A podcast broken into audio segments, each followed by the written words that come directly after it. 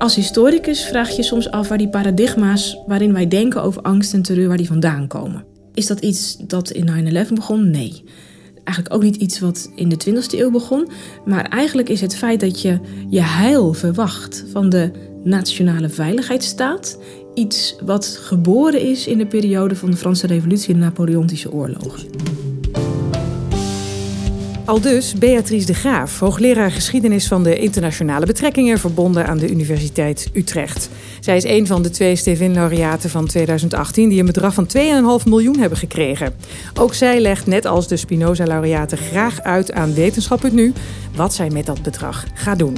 Bezoek de website van Wetenschap.nu of volg ons op Twitter en Facebook voor meer verhalen uit de wetenschap. Mijn naam is Karin van den Boogaard. Het heeft even geduurd, Beatrice de Graaf. Hartelijk welkom in deze podcast. Dank u wel. In je eigen werkkamer. Het heeft even geduurd voor we elkaar weer zagen na de bekendmaking van de Stevin Premies in juni in de Rode Hoed. Hè? Want er kwam ook nog de presentatie tussendoor van het boek Tegen de Terreur: Hoe Europa veilig werd na Napoleon. Heel fijn dat het nu uh, gelukt is. Uh, wat betekende de toekenning van de Stevin Premie voor jou persoonlijk? Nou, toen ik het hoorde, dat was al wel een paar weken daarvoor, was het echt een enorme verrassing en ook best wel een schok. Het is iets waar ik misschien ooit een keertje heel stiekem aan had gedacht of van had gedroomd. Dat je dacht van, nou wie weet, ooit later, als ik oud ben, kom je nog een keer in aanmerking voor zo'n mooie wetenschappelijke onderscheiding. Want uh, daar doe je het niet voor, maar het is toch best wel fijn om in de wetenschap uh, je ambitieniveau steeds hoger te schroeven. Dus ik was eigenlijk best wel gechoqueerd dat dat, dat, dat ineens kwam. En uh, ook een beetje een gevoel van, ja, nu al? Nu al, ja, want je bent pas 1,42 42. 42. En dat gebied eerlijkheid ook te zeggen, de andere Spinoza-laureaten... en volgens mij Marion Koopmans ook, Stevin... zijn denk ik toch ook ruim tien jaar ouder. Ja, en zelf had ik ook nog het idee, ik heb eigenlijk nog wel twee of drie boeken in mijn hoofd, waarvan ik het gevoel heb dat ik die echt nog wel moet schrijven en nog een aantal onderzoeksresultaten moet opleveren, voordat ik zelf het gevoel kan hebben, nu ben ik trots op wat ik gedaan heb. Je vindt eigenlijk dat je hem nog niet verdiend hebt misschien? Ja, eigenlijk wel een beetje. Nou, volgens mij heb je hem hartstikke verdiend. En wie ben ik om NWO, wie zijn wij om NWO tegen te spreken?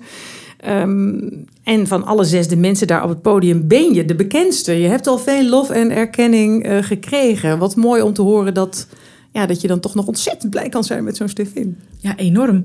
Ik was, eigenlijk ook, ik was eigenlijk ook alweer aan het nadenken, aan het worstelen met een nieuw groot projectidee. Uh, daar neem ik dan ook altijd echt een jaar voor. Um, uh, en nu hoeft dat dus eigenlijk niet meer. Hè? Nu heb je het al. Dus dat is gewoon heel, heel fijn en heel relaxed en ook heel prettig voor mijn team. Ja, nu heb je het al. Veel geld. En dat zeggen de anderen ook. En uh, dat betekent veel geld ook in de vorm van deze premie. Vrijheid. Ja, nee, nou, dat, daar gaat het natuurlijk om. Hè. Het gaat om de ruimte, de, de denkruimte, de thinking space die je hiermee koopt en krijgt. Uh, uh, om, om, ik, ik, geef graag college, dat blijf ik ook doen. Een groot hoorcollege en een, een, een mastercollege en ook voor workshops. Maar dat je toch de ruimte hebt om af en toe even onder te duiken. In mijn geval ook even naar de archieven te gaan. Uh, even, even tot rust te komen en nieuwe concepten en ideeën uit te testen. En met hele goede mensen te bespreken. Ja, naar die archieven gaan, daar wil ik het straks later over hebben. Want mensen kennen jou natuurlijk van de televisie en denken, denk ik, dat je de hele dag met dat soort dingen bezig bent. Maar jij doet ook gewoon het handwerk wat hoort bij bijvoorbeeld het onderzoek voor zo'n nieuw boek. Ja, ik, ik ben van huis uit historicus. Uh, en zo zie ik mezelf ook nog steeds. Dus wat ik zeg over het heden, wat ik zeg over de problematiek van het conflict en terrorisme en geweld anno nu, is bij mij altijd geworteld in een historiserende benadering. Dus geschiedenis, heel kort samengevat, is de leer van de continuïteit en de discontinuïteiten. Dus dat we vandaag de dag ons zo druk maken over terrorisme, waar komt dat vandaan? Is dat terrorisme anno nu? Zijn die aanslagen zo uniek? Zijn die zoveel erger? Zijn die zoveel gevaarlijker? Voor een deel is dat zo. Het wordt in ieder geval ook zo beleefd.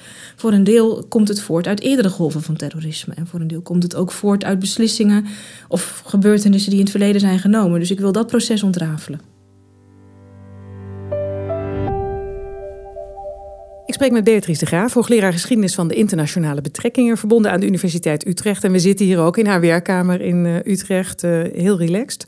In ons korte gesprek in juni zei je parallellen te zien tussen jouw onderzoek en dat van Marion Koopmans, de andere Stevin-laureaat. Zij doet onderzoek naar komen en gaan van virussen. Waar zie jij een parallel? Nou, Marion en ik hadden het erover. En Marion doet onderzoek naar, naar, transformaties en uh, regimes van, van ziektekiemen en virussen en hoe die veranderen door de tijd heen. Op een heel hoog abstractieniveau, daar moet ik er wel bij zeggen, doe ik ook onderzoek naar de lange lijnen in de geschiedenis van het komen en gaan van bedreigingen van terroristen. Uh, maar ook van angsten waar mensen zich zorgen over maken. Bijvoorbeeld uh, migranten, vluchtelingen, dat is niet iets waar de vandaag de dag mensen tegen te hoop lopen. Dat is ook al iets wat in de grote omwenteling in de Napoleontische tijd mensen zorgen baarde. Net zoals de angst voor terreur. Nou, mijn, mijn laatste boek, wat ook net uit is, dat gaat over die periode 200 jaar geleden. En uh, de reden dat ik dat boek ben gaan schrijven, is dat ik me eigenlijk afvroeg hoe het toch komt dat wij vandaag de dag heel erg, nou, over het algemeen best wel bang zijn voor terrorisme. Niet altijd en niet iedereen, maar zeker rondom incidenten en bedreigingen spookt dat heel erg uh, door het land en door de media, voor een deel ook terecht. Um, dus die angst is er. Tegelijkertijd is ook de woede en de frustratie er over wat de overheid dan allemaal nalaat te doen. Dat zie je ook, zeker op de social media. Maar tegelijkertijd is er ook een enorme overspannen verwachting aan die overheid die ons dan die 100% veiligheid zou moeten garanderen. En uh, dat als er iets gebeurt, eh, zelfs als een aanslag vereidelt, wordt dat de overheid kwalijk genomen. Hoe kan het toch dat er in Nederland meer dan 200 radicaliserende jongeren zijn, jihadisten? Waarom kunnen die niet allemaal worden opgesloten? En de overheid regelt het maar. Je ziet dat in Duitsland eigenlijk nog sterker. Dan gaan de mensen al sinds een aantal weken uh, de straat op. Die protesteren tegen Merkel, geven Merkel van alles de schuld. Maar eisen ook van Merkel dat ze de vluchtelingencrisis, dat ze de, de, integratieproblematiek, dat ze het geweld, dat ze alles oplost. Nou, en alles moet combineren op een, op een goede manier. Want ja. het een spreekt het, het een kan natuurlijk ook niet zonder of met het ander. Nee, maar dat is dus een, een, een soort ja, een, een vicieuze cirkel. Dus je verwacht veel te veel van de overheid. Vervolgens levert die overheid niet wat jij had verwacht. En word je nog bozer. En in Nederland is bijvoorbeeld ook het aantal bedreigingen tegen politici best wel hoog. Dus het is dit jaar een heel klein beetje gedaald. Maar het is eigenlijk al lang stijgende. En dan niet alleen van de georganiseerde misdaad, maar ook van gewone boze burgers. Je hebt een team bedreigde politici Haaglanden en dat krijgt steeds meer klachten te verwerken. Dus mensen worden echt boos op die overheid van wie ze alles verwachten. Dan kun je zeggen, ja, dat is normaal, want daar betalen we die overheid voor. Maar als historicus vraag je soms af waar die paradigma's waarin wij denken over angst en terreur, waar die vandaan komen. Is dat iets dat in 9-11 begon? Nee. Eigenlijk ook niet iets wat in de 20e eeuw begon. Maar eigenlijk is het feit dat je je heil verwacht van de nationale veiligheidsstaat iets wat geboren is in de periode van de Franse Revolutie en de Napoleontische oorlogen. Dus je bent net nog een slagje verder teruggegaan. Ja. Wij kijken eh, vaak niet langer terug dan het begin van de 20e eeuw, maar dit boek begint eigenlijk begin 19e begin eeuw. 19e eeuw. Omdat toch die periode van die Napoleontische revolutionaire oorlogen, periode van 20, 25 jaar, echt, echt cruciaal is geweest voor de paradigma's in Europa, hoe wij denken over angst, veiligheid en terreur. Ook het begrip terreur is toen geboren. Het terreurbewind van Robespierre, dat was toen we zouden het nu staatsterreur noemen. Dus dat de overheid een campagne ontketent tegen burgers met een commissie voor de geestelijke gezondheid. Die meet of mensen verkeerd denken of zich goed gedragen. Hoi. En als je, dat, als je dan zeg maar uh, uh, niet aan die regels voldeed, dan kon je hoofd op het hakblok belanden. Gewoon de gedachtepolitie eigenlijk. Ja, sterker nog, die is toen onder Napoleon ook opgezet. Napoleon heeft ook als eerste uh, een centraal politiegezag gevestigd met de minister van de politie Fouché. En Napoleon was ook degene die toen bedacht dat Fouché in de bevolking in de gaten moest gaan houden waar de mensen het over hadden, geruchten. En in het bijzonder moest hij in de gaten houden wat de fausse nouvelles waren. Het fake nieuws waar mensen over spraken. Daar werd ook veel geld tegenaan gegooid en met dat geld werden informanten betaald spionnen. Die moesten dan op bepaalde pleinen en bepaalde cafés, de, de hubs van, van toen, moesten die hun oor te luisteren leggen waar de mensen het zo over hadden. En dat was van Napoleon helemaal niet gek gedacht, want hij wist hoe de Franse Revolutie was uitgebroken. Hij heeft een Franse historicus, Lafebvre, heeft een heel mooi boek over geschreven. Dat heet La Grande Peur. En die betoog, die Febvre, dat door angst gedreven, door de angst voor uh, een coup of een revolutie van bovenaf, van de adel, de burgers en de boeren en de sansculotten, eigenlijk preventief in opstand kwamen en die revolutie ontketenden, omdat ze bang waren dat anders die adel hen een slag te was. Even heel kort door de bocht. En uh, via uh, het stromen van geruchten en het verspreiden van geruchten door het Franse land uh, is dus eigenlijk die mop, die angry mop, opgerukt naar de hoofdstad en heeft die revolutie uitgeroepen. Dat wist Napoleon. Dus hij wist hoe belangrijk het was om de bevolking te mobiliseren, om die mop, uh, La Classe Dangereux, ook in de gaten te houden, in toon te houden. En hij wist ook wat de macht dus van kwade geruchten was. Dus daarom heeft hij een centraal politiegezag gevestigd. Dat terreurbewind is afgeschaft, maar Napoleon heeft wel dus dat idee van gedachtepolitie, centraal gezag, het idee dat je de bevolking controleert, monitort, overgenomen. En dat heeft hij vervolgens niet alleen in Frankrijk gedaan, maar de historicus Michael Broers noemt dat een inner empire. Hij heeft een soort rijk eigenlijk is hij de eerste Europese eenmaker geweest. Via het kadaster, via de wetboeken, uh, codificatie van het recht, uh, de marechaussee, de naamgeving. Dat heeft hij allemaal bedacht. Maar vervolgens, dat is het interessante, doordat hij eigenlijk zich zo, eh, zeker aan het einde van die Napoleontische periode, zo despotisch gedroeg. Want uiteindelijk diende dat Europa, diende de, de, de mensen in Europa, waren kanonnenvlees voor zijn grande armee. Er zijn, zijn, zijn, zijn 2,5 miljoen mensen aan de Napoleontische oorlogen uh, opgeofferd. Gestorven, plus nog eens 2 miljoen door al de ziektes die door die slechte hygiënische omstandigheden rondspookten door Europa, zijn ze gestorven. Moet je weten dat Nederland had maar 2 miljoen inwoners in die tijd. Um, dus de mensen waren daarna eigenlijk zo ontdaan en geschokt dat Napoleon ook indirect heeft bijgedragen aan de eenmaking van Europa en die nieuwe ideeën over veiligheid. Omdat mensen daarna zeiden: nou, de goede dingen van Napoleon nemen we over. Maar zo'n despoot, die zo'n totale oorlog ontketent. De bekende militaire uh, stratege Clausewitz, die vocht ook in de Napoleontische oorlog. En die heeft dat ook een totale oorlog genoemd. Dat willen we nooit meer. Nibi de Kriek, eigenlijk toen al. En toen zijn er dus allerlei Europese instanties in het leven geroepen. De Geallieerde Raad, een Europese geheime dienst. Om ervoor te zorgen dat die terreur van Napoleon. En terreur was dan een tweezijdig zwaard. Het was de terreur van Napoleon, de despoot met zijn legers. Maar het was ook de terreur van de Franse Revolutie. Dat dat nooit meer kon gebeuren. En de mensen die dat dan na 1815, toen Napoleon tweede keer was verslagen, toch nog wilden, die noemden ze terroristen.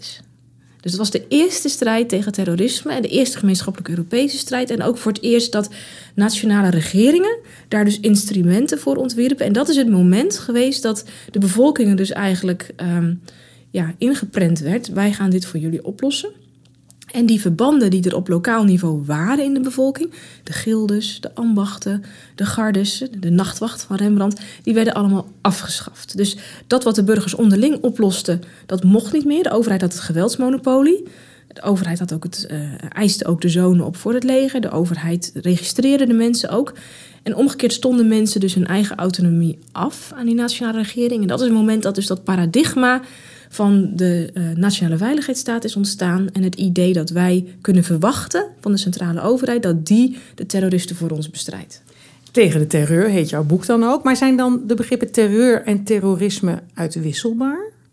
Nee, uh, inmiddels, nu, hè, anno nu, 2018, gebruikt bijvoorbeeld de NCTV, Nationaal Coördinator Terrorisme en Veiligheid, gebruikt terrorisme om niet-statelijke organisaties of groepen aan te duiden die ze uh, aanslagen plegen of dreigen met geweld. Bij terreur wordt dan vaak toch het staatsterreur bedoeld. Dus dan kun je denken aan uh, de staatsterreur van Rusland of Turkije tegen de oppositie, die zonder vorm van proces, dus zonder rechtsstatelijkheid, worden veroordeeld.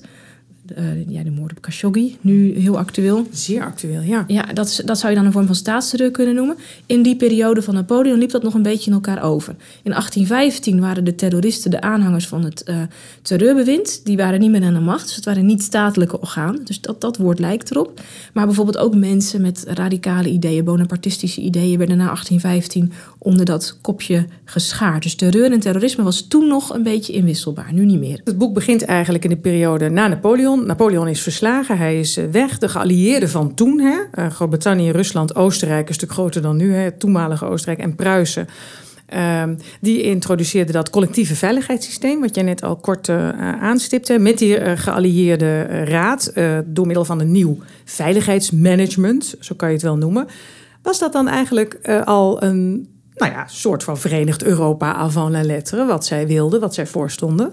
Ja, uh, een heel interessante ontwikkeling.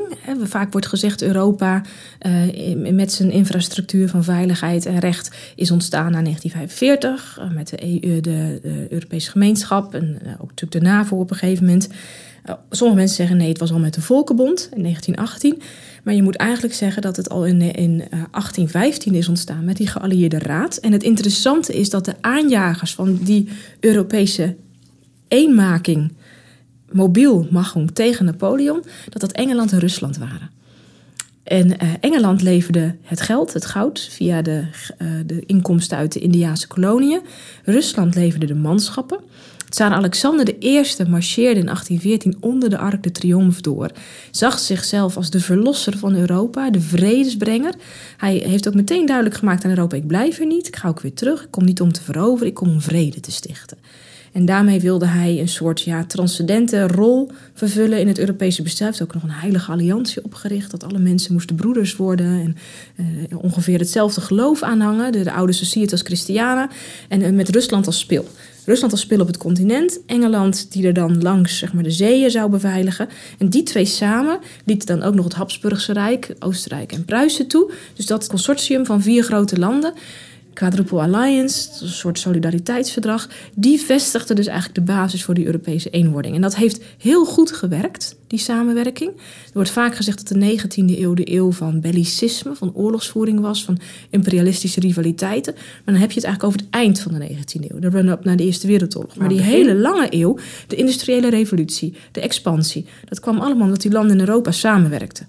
De vraag is natuurlijk wel, ondertitel van mijn boek is hoe Europa veilig werd. Dat kun je lezen als een, een positieve um, indicatie. Europa werd veilig. Maar dat hoe, daar zit, de bedoeling is wel dat er een ambivalentie aan zit. De vraag is of die vorm van veiligheid, of die iedereen die veiligheid bracht. En of die zo inclusief was en zo rechtsstatelijk als het vandaag de dag graag zien. Dat is een retorische vraag, want het antwoord is nee. Die veiligheid gold de grote landen van Europa en een aantal kleinere landen die mochten meeliften. En binnen die landen, want het gaat niet alleen om de internationale veiligheid, maar ook om de veiligheid en de openbare orde in die landen zelf, merk je ook dat het uh, gebaseerd was op uitsluiting van bevolkingsgroepen. Dus bepaalde groepen mochten profiteren. De grootgrondbezitters, de rijkere klasse, de adel, de mensen die zich goed gedroegen. Maar er waren ook grote groepen die buiten de boot vielen. De oppositie, de mensen die uh, radicale geschriften verspreiden, de mensen die vrijheid van meningsuiting eisten. Uh, de, de jongerenbewegingen in Duitsland, de boerschaften, die werden allemaal vervolgd en daarvan uitgesloten. En zeker ook de koloniale volkeren. Het was een zeer Europees elitair gezelschap van heren. Dat bepaalde dat je, een eerste rangs, uh, dat je eerste rangs naties had. Dat waren dus die vier grote, later ook Frankrijk. Tweede rangs hoorde Nederland dan bij. Derde rangs hoorde de kleine Duitse staat Italië bij. En nulde rangs, die vielen buiten de boot. Dat was bijvoorbeeld het Ottomaanse Rijk. Dat waren barbaren en die kon je gewoon met elkaar te lijf gaan. Dus dat is ook de, de eeuw dat, dat de grote koloniale projecten en de samenwerking van start gaat, het imperialisme. Ik wil graag nog iets weten over dat staatsmonopolie. De staat trekt de zorg voor veiligheid aan zich. Dat vertelde je net, hè? Uh, kort. Maar dat is natuurlijk eigenlijk ook best gevaarlijk. Dat je alle, uh, uh, al je rechten, nou niet al je, maar die trekt steeds meer uh, bevoegdheden naar zich toe. Um, en burgers die roepen dan ook, nou dat moet de overheid maar doen. Dat, wij werpen dat verre van ons. Uh, wat is dat? Ja, dat is een interessante ontwikkeling die zich dan voltrekt. Uh, wij denken vaak aan de Franse Revolutie, dat dat het moment is geweest dat vrijheid, gelijkheid en broederschap werden geïntroduceerd in het politieke discours in het Westen. Dat is totaal niet het geval. Eigenlijk duurt het nog een eeuw na de Franse Revolutie tot vrijheid, gelijkheid en broederschap een feit zijn. Hoe komt dat? Nou, die Franse Revolutie die vrijheid, gelijkheid en broederschap propageerde, eindigde in het terreurbewind. Vervolgens kwam Napoleon aan de macht. Vervolgens waren de bevolkingen van Europa zo murven gebeukt door die terreur, dat toen het dominante discours was: wij wensen veiligheid. De mensen waren het zat, ze waren doodmoe. Ook in Frankrijk, de mensen waren apathisch, waren lusteloos, wilden eigenlijk maar één ding: um, orde en tranquiliteit, rust en orde. Eh, de bevolkingsaantallen liepen terug. Er was een sterfteoverschot in Nederland. Er was honger, er was ellende. En in zo'n situatie wilden de mensen eigenlijk vooral, niet alle mensen, je had nog steeds echt wel uh, radicale Bonapartisten, maar het merendeel van de bevolkingen was maar dolblij dat er weer koningen kwamen, dat er weer uh, generaals waren die de rust en de orde op de wegen herstelden. Dat de post weer veilig kon verspreid worden, dat ze gewoon weer naar hun werk konden gaan, dat ze niet elke keer weer hun zoons moesten opofferen aan de volgende levée à mas. En wat er toen is gebeurd, is in de Napoleontische periode dat Napoleon, onder meer door zich nog op de Franse Revolutie te beroepen, heeft gezegd dat het nu afgelopen moest zijn met die feodale verbrokkeling, met die feodale rechtscodexen. Het moest afgelopen zijn met de gildes die werden verboden, eh, met die burgerwachten. Dat zou allemaal die nationale overheid gaan doen. En die zou dan de mensen vrij gelijk en broeders maken. Nou, dus wat, wat er toen is gebeurd, is dat al die regionale verbanden wel kapot zijn gescheurd. En ook die sectorale verbanden zijn kapot gescheurd. Burgerwacht ontbonden, uniformen verboden, conscriptie ingevoerd. Maar daarvoor in de plaats kwam met Napoleon, maar dus ook na Napoleon, kwam niet die vrijheid en die gelijkheid misschien een vorm van broederschap op hoger niveau, maar kwam veiligheidsbeleid. Dus de Franse Revolutie heeft eigenlijk de, de weg gebaand, de route gebaand naar nationale veiligheidsstaten, die vervolgens ook wel zijn gaan samenwerken in Europees verband. Maar na de Franse, of, of na de Napoleontische tijd, er kwamen ook wel constituties zeker in Engeland en in Nederland heerste er ook wel een mate van, van, van vrijheid van meningsuiting en pers. Maar zeker in landen als Rusland, Pruisland, Pruisen, Oostenrijk en ook, ook in het Frankrijk van na 1815 heerste de restauratie. Dus heel veel rechten werden weer ingetrokken. Uh, de, slavernij bijvoorbeeld werd weer heringevoerd in Frankrijk.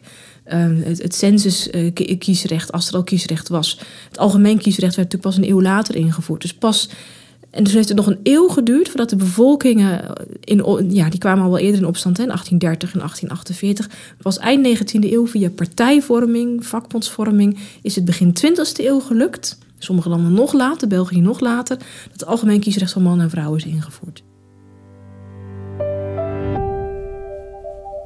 Tegen de terreur is het nieuwste boek van Beatrice de Graaf. De proloog van het boek begint met een reisverslag van Louisa Adams, later Amerikaans presidentsvrouw, die over een roerig continent reist. Dat heb je net ook uh, treffend uh, geschetst. En later komen er ook ooggetuigenverslagen in het boek van andere vrouwen. Dat zie je niet zo vaak. Van waar die keus? Ja, um, geschiedenisboeken, zeker over de 19e eeuw, en dan hebben we het ook wat over de wat oudere boeken, uh, worden heel vaak geschreven vanuit um, het perspectief van de uitkomsten.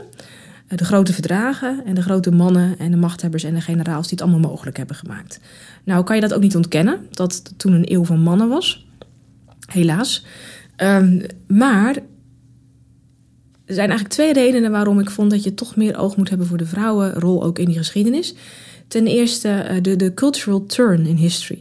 Die leert ons dat, dat eh, zeg maar ook, ook in, in die, die mannenwereld en die masculine wereld ook vrouwen een grotere rol speelt. Dat het in de cultuur, in de overdracht, in de terminologie.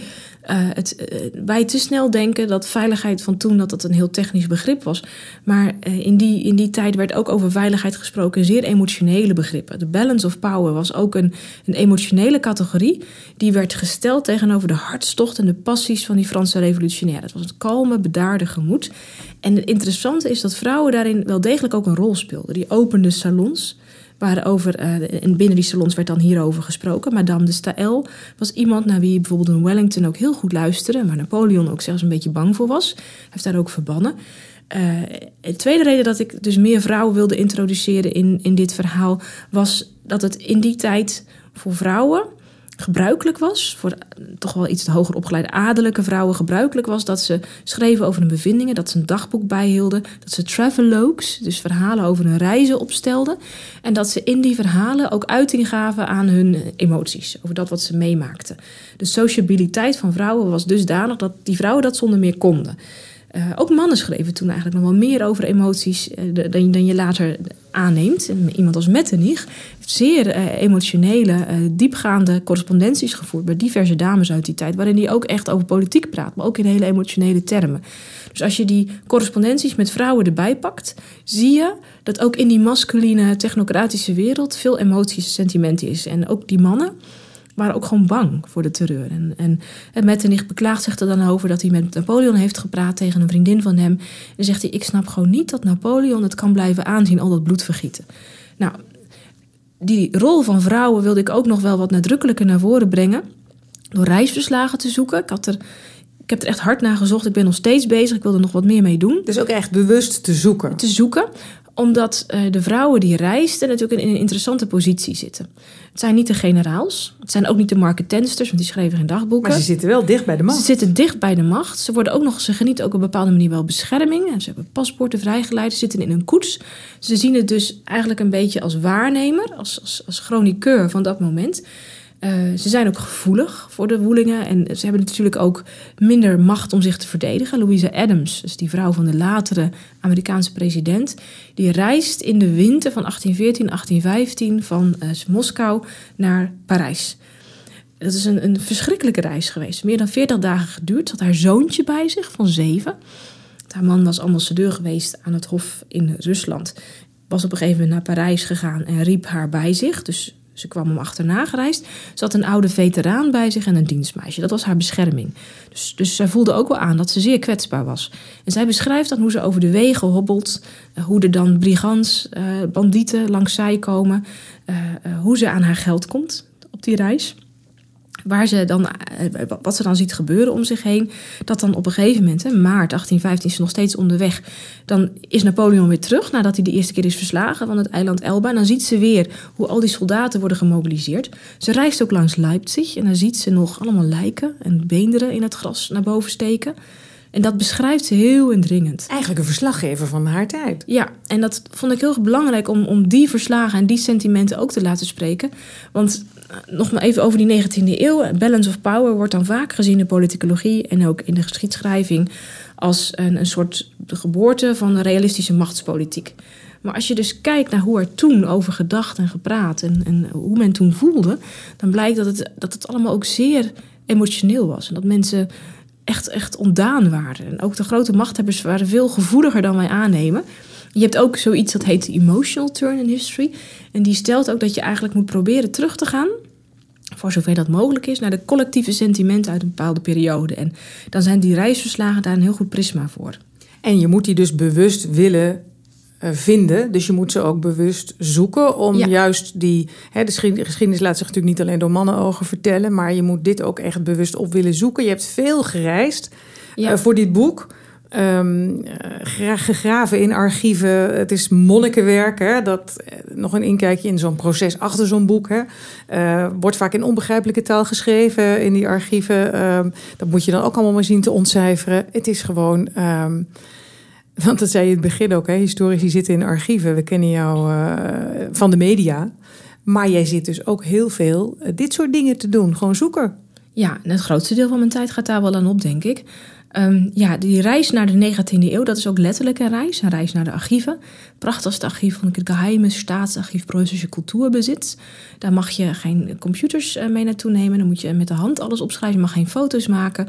Uh, dat, dan waan je echt in de 19e eeuw. Het ruikt daar ook echt naar boenwas. En je ziet de buste van Humboldt ook staan. Het was echt fantastisch. Het is ook een speurtocht naar waar die overblijfselen van die archieven liggen. Waar die dagboeken liggen, die memoires. Je moet ook naar kleine kasteeltjes waar nog nalatenschappen liggen. Uh, en dan is het ook nog eens een keertje niet allemaal netjes uitgetypt. Het is in handschriften, soms ook onleesbare handschriften. Alles gaat natuurlijk in het Frans. Uh, en in Duitsland in het Duits. En dan is het ook, zodra het in het Duits gaat, was het ook nog allemaal opgeschreven in het courantschrift. En dat is een, een, een oud handschrift. En als, dat, als het kanseleischrift was, dan was het wel regelmatig. Maar courantschrift, dat is eigenlijk bijna niet te lezen. Dus dat kostte me dus. Dus ik had in eerste instantie wel door dat ik allemaal hele interessante dingen had gevonden. Een aantal woorden kon ik lezen, maar kon niet ontcijferen. Dus toen zijn we met mijn team zijn we op zoek gegaan naar iemand die dat kon lezen. We hebben een oude mevrouw gevonden, Mieke Kanneman in Nederland, oude archivaris van het Koninklijk Huisarchief, al met pensioen. En die, die heeft ons geleerd, dus dat heeft me echt wel ook een aantal jaren gekost om die handschriften te kunnen lezen. En dat was heel frustrerend, want dan nam ik dus uh, een stapeltje van die documenten mee naar huis, ja, gefotografeerd dan, wat dan mocht. En dan was ik dus de hele avond, zat ik daarop aan turen. En dan had ik aan het eind van de avond misschien drie pagina's ontcijferd. Maar dat was wel ook bijna meditatieve momenten waren dat. Beatrice de Graaf, een aanstekelijk verteller. En ik zou het boek ook zeker lezen, want het boek is ook zeer de moeite waard tegen de terreur. Nu even over wat je met die 2,5 miljoen van de Stevin-premie gaat doen. Want dat moet ik altijd even vragen aan iedereen die ik spreek na de bekendmaking in uh, juni. Dat sluit trouwens ook weer aan op het boek, hè? want je had nog een ander plan om daarmee door te gaan met die uh, 19e-eeuwse periode. Ja, ik wil de Stevin-premie uh, gaan inzetten eigenlijk over twee sporen. Ik wil dat idee van de geboorte van de nationale veiligheidsstaat in historisch vergelijkend perspectief breder gaan uitwerken. En dan echt over de hele 200 jaar. Dus hoe is die infrastructuur van veiligheid en van veiligheidsverwachtingen eigenlijk ontstaan? En wat heeft dat ook met de vrijheid en de democratie gedaan? Dus daar wil ik eigenlijk een groot onderzoek over gaan opzetten.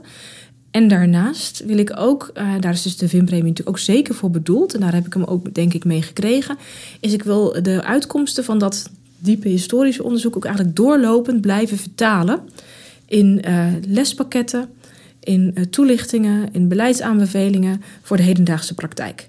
Dus dat betekent dat er een, een, een stukje samenwerking met bestuurskunde in zal zitten om consultancyopdrachten uit te gaan voeren voor uh, overheid en, lokale overheden.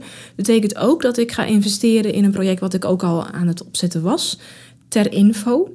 En dat is een mobiele site met een serie doorgaande lespakketten gericht op het verspreiden van kennis over terrorisme, radicalisering en polarisatie aan uh, lagere scholen, dus primair onderwijs en middelbaar onderwijs en MBO. Met de bedoeling via korte handzame pakketjes kennis kinderen weerbaarder te maken voor alles wat er om hen heen gebeurt. Want uh, het gesprek daarover wordt natuurlijk wel gevoerd. Hè? Kinderen met een iPhone hebben allemaal wel IS-filmpjes bekeken. Dat is ook onderzocht. Uh, dus wat er op het schoolplein wordt gezegd, wat mensen naar elkaar roepen. Uh, in die tijd van die aanslagen van de Bataclan en Parijs, deden op, op een gegeven moment op het schoolplein van mijn kinderen de kinderen ook pakkertje. Wie dan de terrorist was. Dus dat soort spelletjes hè, worden gedaan. Dus kinderen weten ervan, hebben het erover, krijgen natuurlijk ook heel veel mee. Maar hebben die context niet? Hebben die context niet. En het is ook voor docenten best wel moeilijk om dit soort dingen soms bespreekbaar te maken.